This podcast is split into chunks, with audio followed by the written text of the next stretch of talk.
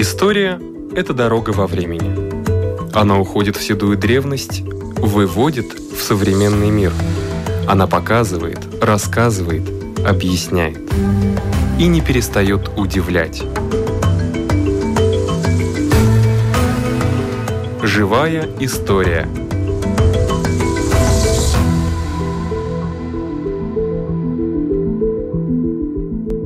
У микрофона Лидия Чера. Сегодня мы поговорим о человеке, о котором, может быть, наша аудитория знает сравнительно мало. Это Аншлау Эглитис. Вообще, почему о нем вдруг вспомнили? Потому что и латышская аудитория не много знает о нем, хотя его деятельность очень обширна и интересна, его биография как таковая.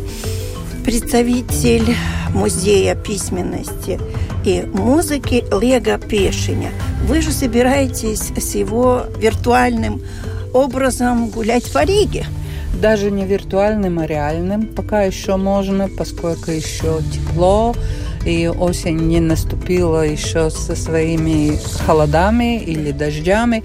Да, но я бы не сказала, Лидии, что о нем знали мало. У нас было время, когда он был запрещенным автором. Ах, вот как. Да, и значит, если надо его характеризовать, то я должна сказать, что он и писатель, и драматург, и поэт. И, и критик, и художник. Да, и критик, и художник. Да, это все принадлежит э, Аншлову Эглитису, поскольку его отец, который тоже был литератор, Виктор Эглитис, пострадал в сороковом году при перемене власти.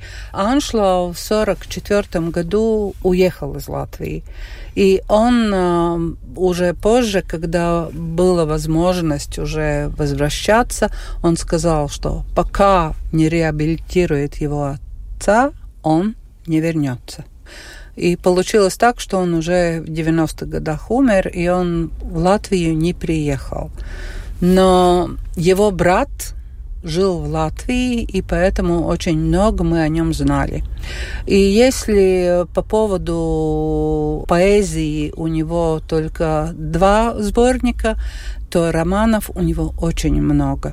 И большой интерес, и я думаю, что, может быть, и те, которые говорят на русском языке, видели фильм «Homo novus», и, значит, это по роману Аншлова Эглитиса. И это был повод тоже нам в музее проветрить то, что у нас есть по Аншлову Эглитису. И надо сказать, что предметов у нас очень много. И очень интересно, потому что он э, играл шахматы. У нас э, в данный момент есть выставка о пишущих машинках. Да. И надо сказать, что в музее есть четыре пишущие машинки, которые принадлежали Аншлову Эглитису. И при том они очень интересны. Они показывают, насколько они качественны, насколько они интересны. Mm-hmm. И он был с таким ярким характером, потому что сначала он учился в художественной академии, и он писал критики. И те, которые сохранились со старых времен, они очень зубастые. То есть он, если ему что-то не нравилось, он действительно очень резко отреагировал и не смотрел это студенты или преподаватели. То есть были очень... И при том, значит, сохранились и материалы, где видно, как он а, отреагировал на книги, если ему они не нравились. Параллельно этому, поскольку он болел туберкулезом, он начал писать. И это тоже ему помогло. И герои Аншлова Эглитиса, в принципе, очень часто, особенно в юности, когда он писал, это художественного типа люди 30-х годов. И они интересны, то есть э, там не такие, знаешь, серые, э, Мышки, да. да, серые люди, они очень яркие все. Лигову Медники, это очень знаменитая работа, и Маэстро, много-много его. И он э, очень много писал книги, в том числе в Америке, когда он уже жил там, и они издавались, и параллельно он писал пьесы, начиная с 40-х годов, и их играли и в Америке, и теперь уже в Латвии. Мгм. Он родился в каком году, чтобы приблизительно понять, если он в 44 году эмигрировал, сколько ему было лет Так, тогда? И Латвия при всем географически довольно большая. Из какого края он был? Он родился в 1906 году и родился в Риге, но надо сказать, что самая знаменитая книга, которую должны читать и уже в школе, это «Пансия пили», это Инциемс. Это сравнительно недалеко от Сигулды. И это место, которое он описал, потому что его отцу подарили э, но это не замок Катас, mums ir pils, ну, it kā замок. Ну, как бы Ну, замок, да. э, Как бы замок, да. Да, потому что поместье такое, да.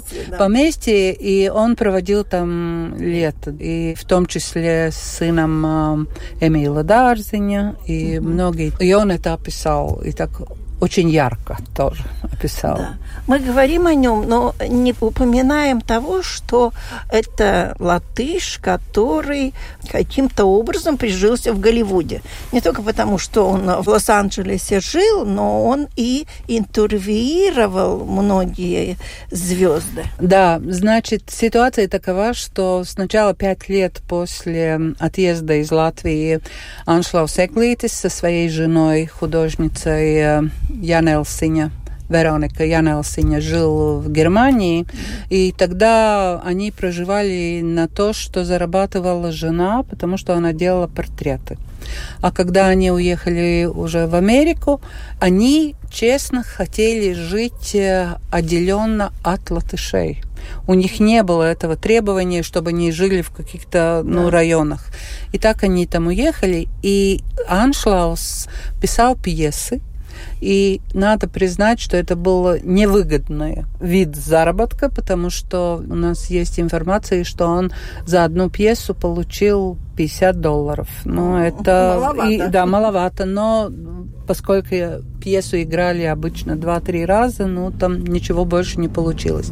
И его вид заработка был, когда он работал и делал интервью с актерами Голливуда. Как и, журналист. Да, как журналист. И надо сказать, что там надо было в специальную гильдию попасть, чтобы быть. И у нас очень интересные фотографии сохранились, где он сфотографировал с многими голливудскими актерами. Я думаю, что мы теперь это большинство вот называем селфис. Но им это было как обязанностью, потому чтобы была уверенность о том, что они действительно это Да. интервью сделали. Да, что они не придумали из головы. Да, да, да, да, да. Ага. Ну вот это, это да, это очень Ну, интересно. а с кем? С кем? С какими актерами? Хоть, ну, Ну парочку. так, э, Свейзис, Патриций Свейзис, ja? Да. Арнольд Шварценеггер, Это, конечно, звезды первой величины, скажем так. А несколько слов о его жене. Он женился здесь, да, в Да. Риге. Да, Вероника Янелсиня тоже Художница, художница. да. Они познакомились, когда они учились оба в художественной академии. И при том есть э, такой рассказ, что Аншлаус Эглитис был влюблен в свою одноклассницу. Но у них был такой треугольник, как мы теперь говорим. И, значит, э, этот друг сказал, что он сделает самоубийство, если он не будет э, в отношениях с этой девушкой. И эта любовь осталась Аншлаву на всю жизнь. И в конце жизни он даже помогал этой женщине. И есть конкретная персона, но она теперь тоже умерла. И у Вероники Янелсини тоже была несчастная любовь, и они вместе вместе подружили, утешали притом утешали. Но знаешь, как э, по всем рассказам они познакомились не в Риге, а в Париже, когда они просто были на, в музее и смотрели картины и так. И они поженились во время Второй мировой войны.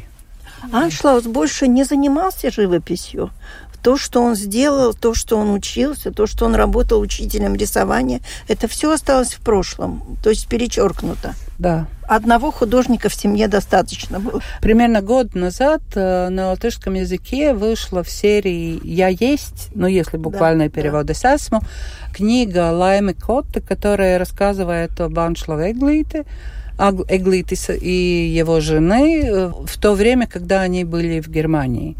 И там тоже появляется, что иногда он рисовал. Он mm-hmm. рисовал, но это было не как главное занятие, да.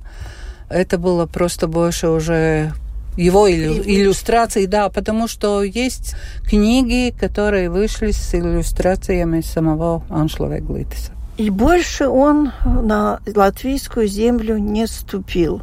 Брат был здесь, но он с братом-то поддерживал отношения, наверное. Да, да, да, поддерживал. Ну, а теперь... Видвуд Сеглитис, он был очень знаменитый человек по культуре. Он...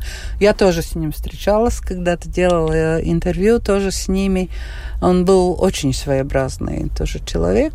И у него осталось большинство вот тех вещей, которые были в семье и они, ну, действительно, там и картины, и все такое. И потому что, ну, я могу сказать так сравнительно, и это интересно, у нас есть тоже одна из прогулок, которая связана с Визмой Белшевицей и его книги Билла.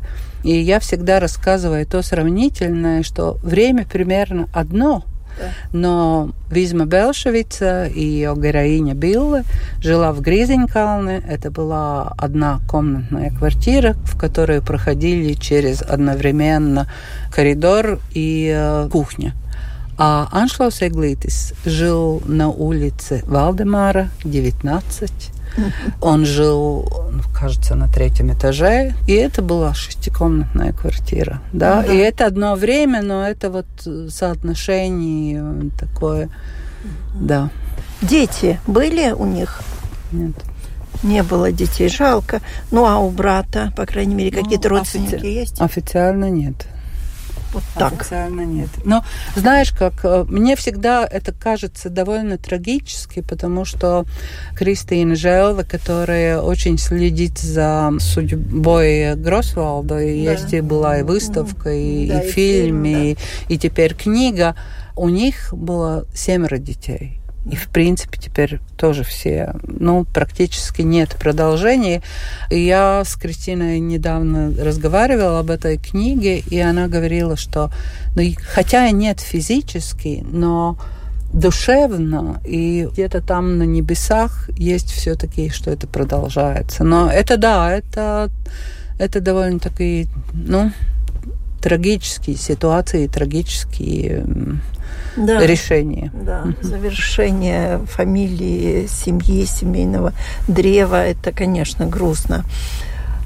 Теперь об экскурсии. Когда она состоится, и какова цель, и как можно туда попасть, и хотим мы туда попасть. Ну да, но надо признать, что экскурсия на латышском языке. Да. Но потому что иногда бывает, что я говорю, что я могу и перевести, и поговорить, но это, наверное, не тот случай. Да. да. Экскурсия начинается, можно сказать, у Национального театра, официально да. у второй гимназии, где учился Аншлос Эглитис. Число 18 сентября в час дня. Экскурсия примерно полтора, ну чуть-чуть больше продлевается. Начинается она у второй гимназии, и я хотела сказать, что интересный факт, что он был не успевающим в математике, конечно, не по латышскому языку. Мы не проходим все места, где Аншлос Эглитис в Риге жил, потому что есть много других, а заканчиваем возле театра Дайлы. И это получается ну, как такой круг по театру. И упоминаем тоже пьесы, которые он написал. И он действительно с этими пьесами, которые он восемь написал, он очень э, наверное, больше всего в памяти и в таких эмоциях латышей, ну, латышских читателей. Он писал по-латышски или по-английски? По-латышски. Он писал. Всегда? Да, всю литературу он писал только на латышском языке, но кроме этих интервью. Ну что ж, я могу пожелать только хорошей погоды, и тогда все получится. Спасибо большое, что поделились своими материалами. Может быть, у вас там есть вот какое-то стихотворение? Надо сказать, что у Аншла Веглиша было очень интересный язык. И он придумывал много интересных слов. Ага, как Райнис. И, да, ну, нет, ну, видишь, э, Райнис придумывал такие уже... Он переводил. Но он переводил. Но у Аншлова есть такие э, слова, которых иногда даже латыши не могут объяснить. У нас в одной из э, мест остановок мы говорим, и люди не умеют все слова найти, объяснить, объяснить что это значит. Что это да, значит. повседневной жизни употреблял слово трамвайс, а он его называл крамбулис. Крамбулис. Я крамбулис. И у него есть очень много таких своеобразных слов, скажем, стребеликс. Это значит, что он всегда куда-то спешил. Ага. Да, вот скажем. Или эдманя. Ну, вроде бы есть похожие на то, что да, это эдиенс. А, ну, вот такие слова он тоже употреблял, так что мы это все находили. А по поводу стихотворений, «Вентулис un dzīrotājs» это в 1938 году вышел сборник, и в этом сборнике было напечатано стихотворение, которое Аншлаус Эглитис написал своей первой любовью. Kad nāk šī vasara uz beigām, jūs kļūsi mīlīgs neģerēns, dažs mieru metis savām steigām, jums sekos grūtsirdīgs un lēns. Kaut arī jūs tik ļoti jauna, es pats gan arī nesmu vecs, šeit klāju atzīstos, nav kauna, я esmu tagad uzvarēts. Ну, надо сказать, что сегодня, конечно, мы, во-первых, упоминали, что нейдеранс нельзя использовать и все такое, но это то время, когда он писал своей любовью. Yeah. Да. Ну, на этой любовной ноте и закончим наше путешествие по биографии Аншлава Эглитиса. А для меня Эншлау, вот э, единственное, что вспоминается, это героиня сериала с Малкой Стилс, Гиацинта Бурка – вот она своего мужа назвала всем Эншлау, Эншлау. Я думала, что это английское имя, а, наверное, есть и латышское Аншлаус. Аншлаус, jā, Anšlaus Eglītis ir, Anšlaus ir vārds. Man liekas, ka ir pat kalendārā. Латыш. Латыш, да-да-да. Спасибо. У нашего микрофона была представитель музея письменности и музыки Лего Пешиня. А вас всех ждет экскурсия 18 сентября.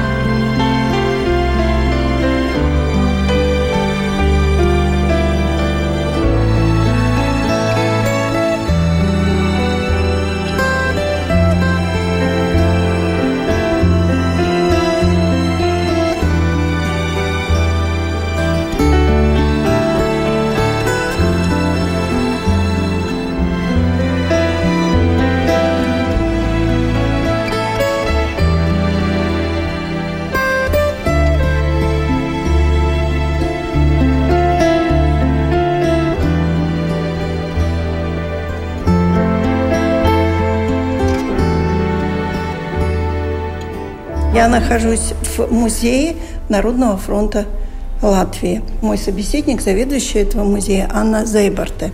Меня интересует, как давно существует вообще музей и именно это здание. Есть история этого здания? Здание построено уже в 17 веке. Жилой дом. Жилой дом. И в 1989 году это здание дали Народному фронту потому что до этого они находились в разных местах, и у них были только какие-то маленькие не квартиры, но комнаты, комнаты да, или да. какие-то уголки. И когда им дали это здание, они были очень-очень счастливы. Да. И несмотря на то, что это здание было в очень плохом состоянии, и Сандра Каланет э, в ее э, книге пишет, что здесь были крысы, не был сделан ремонт много лет, но они все равно были так счастливы, потому наконец-то у них было свое здание. У этого здания есть четыре этажа, и здесь находились Народный фронт, Севiešu лига, Глабиет Барнус, много-много разных организаций, и почти странно, как они все здесь поместились, потому что здание не очень-то большое. И когда Народный фронт ликвидировался, в 1999 году здесь основали музей. И из трех прибалтийских э, стран это единственный музей, где музей Народного фронта находится в здании, где был Народный фронт. Вот как. Это историческое здание с э, огромное значение, да, потому что в Литве и Эстонии эти музеи есть э, совсем других зданиях и много раз меньше, много меньше. И когда сделал этот музей, этот музей был частный музей, и шесть лет назад этот музей превратился в государственный музей. Он превратился в один из отделений Национального Да, музея да. истории Латвии. Да, да, да, э, так. И Дайнис Иванс, один из лидеров Народного фронта, тоже работает здесь. Это наш главный экспонат, как он сам говорит. Люди его помнят очень хорошо, и он также популярен, как 30 лет назад. Люди, им нравится говорить с ним, так что мы используем наш главный экспонат очень часто, и нам нравится. Ну, сегодня мы обойдемся без главного экспоната, Да. потому что меня интересует музей. Вот скажите, люди просто сдают, например, какие-то памятные вещи. Хорошо ли это, если, честно говоря, даже непонятно, кому это принадлежало? Очень хорошо, что люди дают, Да. но всегда лучше, если есть история про эти вещи. Да. Потому когда работают другие люди, когда прошло много времени или не так много, все равно Да. человек забывает вещи. И если никто уже не помнит историю этой вещи, это очень-очень трудно работать с этой. Это только вещь без истории. А есть вещь с историей. Да, у нас есть свитер, свитер Свитер, Дайниса Иванса, который очень популярен. Он почти в всех фотографиях. И люди этот свитер, как бы, когда думает э, Дайнис Иванс, они помнят этот свитер и его э, волоса. его. Мгм, да. И этот свитер... э, Шапку волос его. Да, да. И этот свитер был очень-очень популярен. И, и это странно, как э, одна вещь, одежда превращается в символ движения, символ одной персоны. Еще есть картина Лудофа Либерта «Райнис». Эту картину подарили Народному фронту э, во время конгресса, когда основывался Народный фронт. И эта картина была очень важная, потому что был первый подарок, и был Райнис на этой картине. И эта картина еще Как есть символ социал-демократии. всегда, Тоже, но все равно он был самый Народный популярный поэт. народный поэт, один из самых популярных народных поэтов. И тоже, что это была картина Лудо Либерта, это тоже было очень важно. И эта картина все еще есть в нашем музее в эком- в экспозиции. Еще такие интересные экспонаты есть э, компьютер. Компьютер. Разве тогда был и компьютер? Я уже не помню. Первый компьютер подарили Народному фронту в 90-м году, когда были первые выборы, и подарили латыши из Австралии. Это был первый компьютер Народного фронта, и коммунистическая партия, у них не было ни одного компьютера. Так что с этим одним компьютером Народный фронт превратился много Более Бо- готовы. более готовые, более технические, чем, да, чем э, коммунистическая партия. Но курьезно, что никто не знал, как работать с этим компьютером, никто не видел раньше. И здесь уже жил Карл Стрейпс, Да. журналист. Да. Он уже В жил... этом здании он жил? Нет, не здесь, но Латвии. Латвии, Латвии, да. Латвии жил уже Карл Стрейпс. И он был единственный, кто знал, как работает компьютер. И Дайн Симонс всегда говорит, что они все смотрели, как э, Карл Стрейпс пишет и может писать, что-то поменять. И это было как э, что-то странное. Я никогда не видела что-то такое раньше. Еще есть эм, копировальная машина, но она работает с движением рук, мануальная. А-а-а. Не так, как сейчас с, с кнопкой, но мануальная. Так что для каждой копии было... Э, Необходимо это, приложить физические да, работать, усилия. Да. да, работать, что сделать копии. Еще есть э, такой интересный экспонат, это голова Ленина. Да. Когда делали эту экспозицию, было очень трудно найти Ленина вообще, потому что многие из них уже уничтожены. Угу. И эту нашли да. на свалке в Югле. Да. У него есть э, дыра на голове, потому что он находился ну, снаружи. Да, да. Но все равно, и когда приходят дети, которые никогда не знали, не, не слышали ничего про Ленина, они думают, что это Райнс. И очень трудно. Ничего себе. Э, ну, похоже, да. под да, да. Дети, которые родились после 91-го, они почти не знают, кто Ленин. Да. И потому что они похожи чуть-чуть. И это, ну, бородки, да. Да, да, это, да, что это Райнс, и у нас необходимо а пояснить, что это не Райн, что, что это Ленин. Ленин, и кто. Ленин, и кто он такой, и почему находили как это, интересно. да, почему эта голова находилась в свалке, и все это такое. Потому что они уже не знают эти вещи. С одной стороны, это хорошо, что они уже да. думают совсем избавились, избавились от, от этого. Со второй, это для нас, кто работает в музее, это сделает работу труднее э, рассказать, кто это Ленин, porque не, не знают, уже не знают. Mm-hmm. Это так дуально. Да. Хорошо, но хорошо тоже знать, что прошло. У нас есть э, также... Пройдем, пройдем сейчас.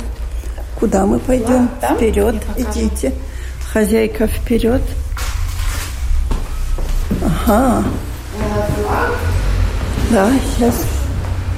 Да. Вот здесь работает телевизор и проходит все время, показывают да, эти. Музей, музей очень э, интерактивный, потому что делали с мыслью, чтобы было интересно тоже для юношей и детей. Да. Потому что этот период очень важный, это движение это Народного фронта, но он очень... Э, почти нет вещей. Есть много документов, очень много фотографий, но сделать музей только из документов это не, не очень это не интересно. Да. Никто не будет читать документы, да. документы, документы. Очень мало вещей, визуальных, визуальных вещей. Поэтому есть эта э, голова Ленина, свитер э, Иванса, да, да. да. И этот флаг, это флаг Латвии. И ну, этот с траурной лентой. Да, потому что этот флаг почти после 50 лет первый раз прошел с памятника свободы, да, да Капи. До братского кладбища. До братского кладбища по Риге. Первый раз в 50 лет его пронес Константин Пупурс. Угу. Он был в Хельсинки 86. Движение, и, движение было, да. о котором тоже надо рассказывать. Да. И траурная лента, потому что это прошло 14 июня. То есть, да, да, день где, оккупации. Да, день оккупации. И есть история про этого флага, это тоже очень интересная. Они планировали сделать это. Но чтобы это прошло, надо было... Разрешение да. надо было получить? Надо было да? Нет, они сделали иначе. Движение Хельсинки 86, они планировали положить э, цветы у памятника свободы 14 июня. И в этот день они планировали нести этот флаг. И Константин Пукурс, он был студентом истории в этот mm-hmm. момент.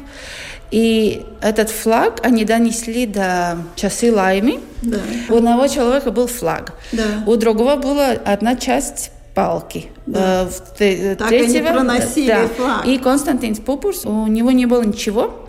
И если его арестовали, флаг остался свободным, Да. и тогда его бы пронесло другая персона. Пронесел другой человек. Да. Но ничего не случилось, и он мог сам пронести этот флаг. Они сначала шли немного персон, но люди росли, росли, росли. Когда Да. они дошли до кладбища, было сотни персон, и все говорили, что это был очень эмоциональный момент. Когда они прошли здание КГБ, все остановились и промолчали одну минуту. И потом дошли до кладбища. Следующий день в квартиру матери Константина Пупора явились милиция Да. И дали у него и его матери несколько дней Чтобы уехать, уехать. уехать с Советского Союза. Спасибо. У нашего микрофона была заведующая Музеем Народного фронта Латвии Анна Зайбарте. На этом передача заканчивается. С вами была Лидия Чера. Всего вам доброго. Латвийское радио 4 в Лудзе. Круглосуточно. На 104 и 2 FM.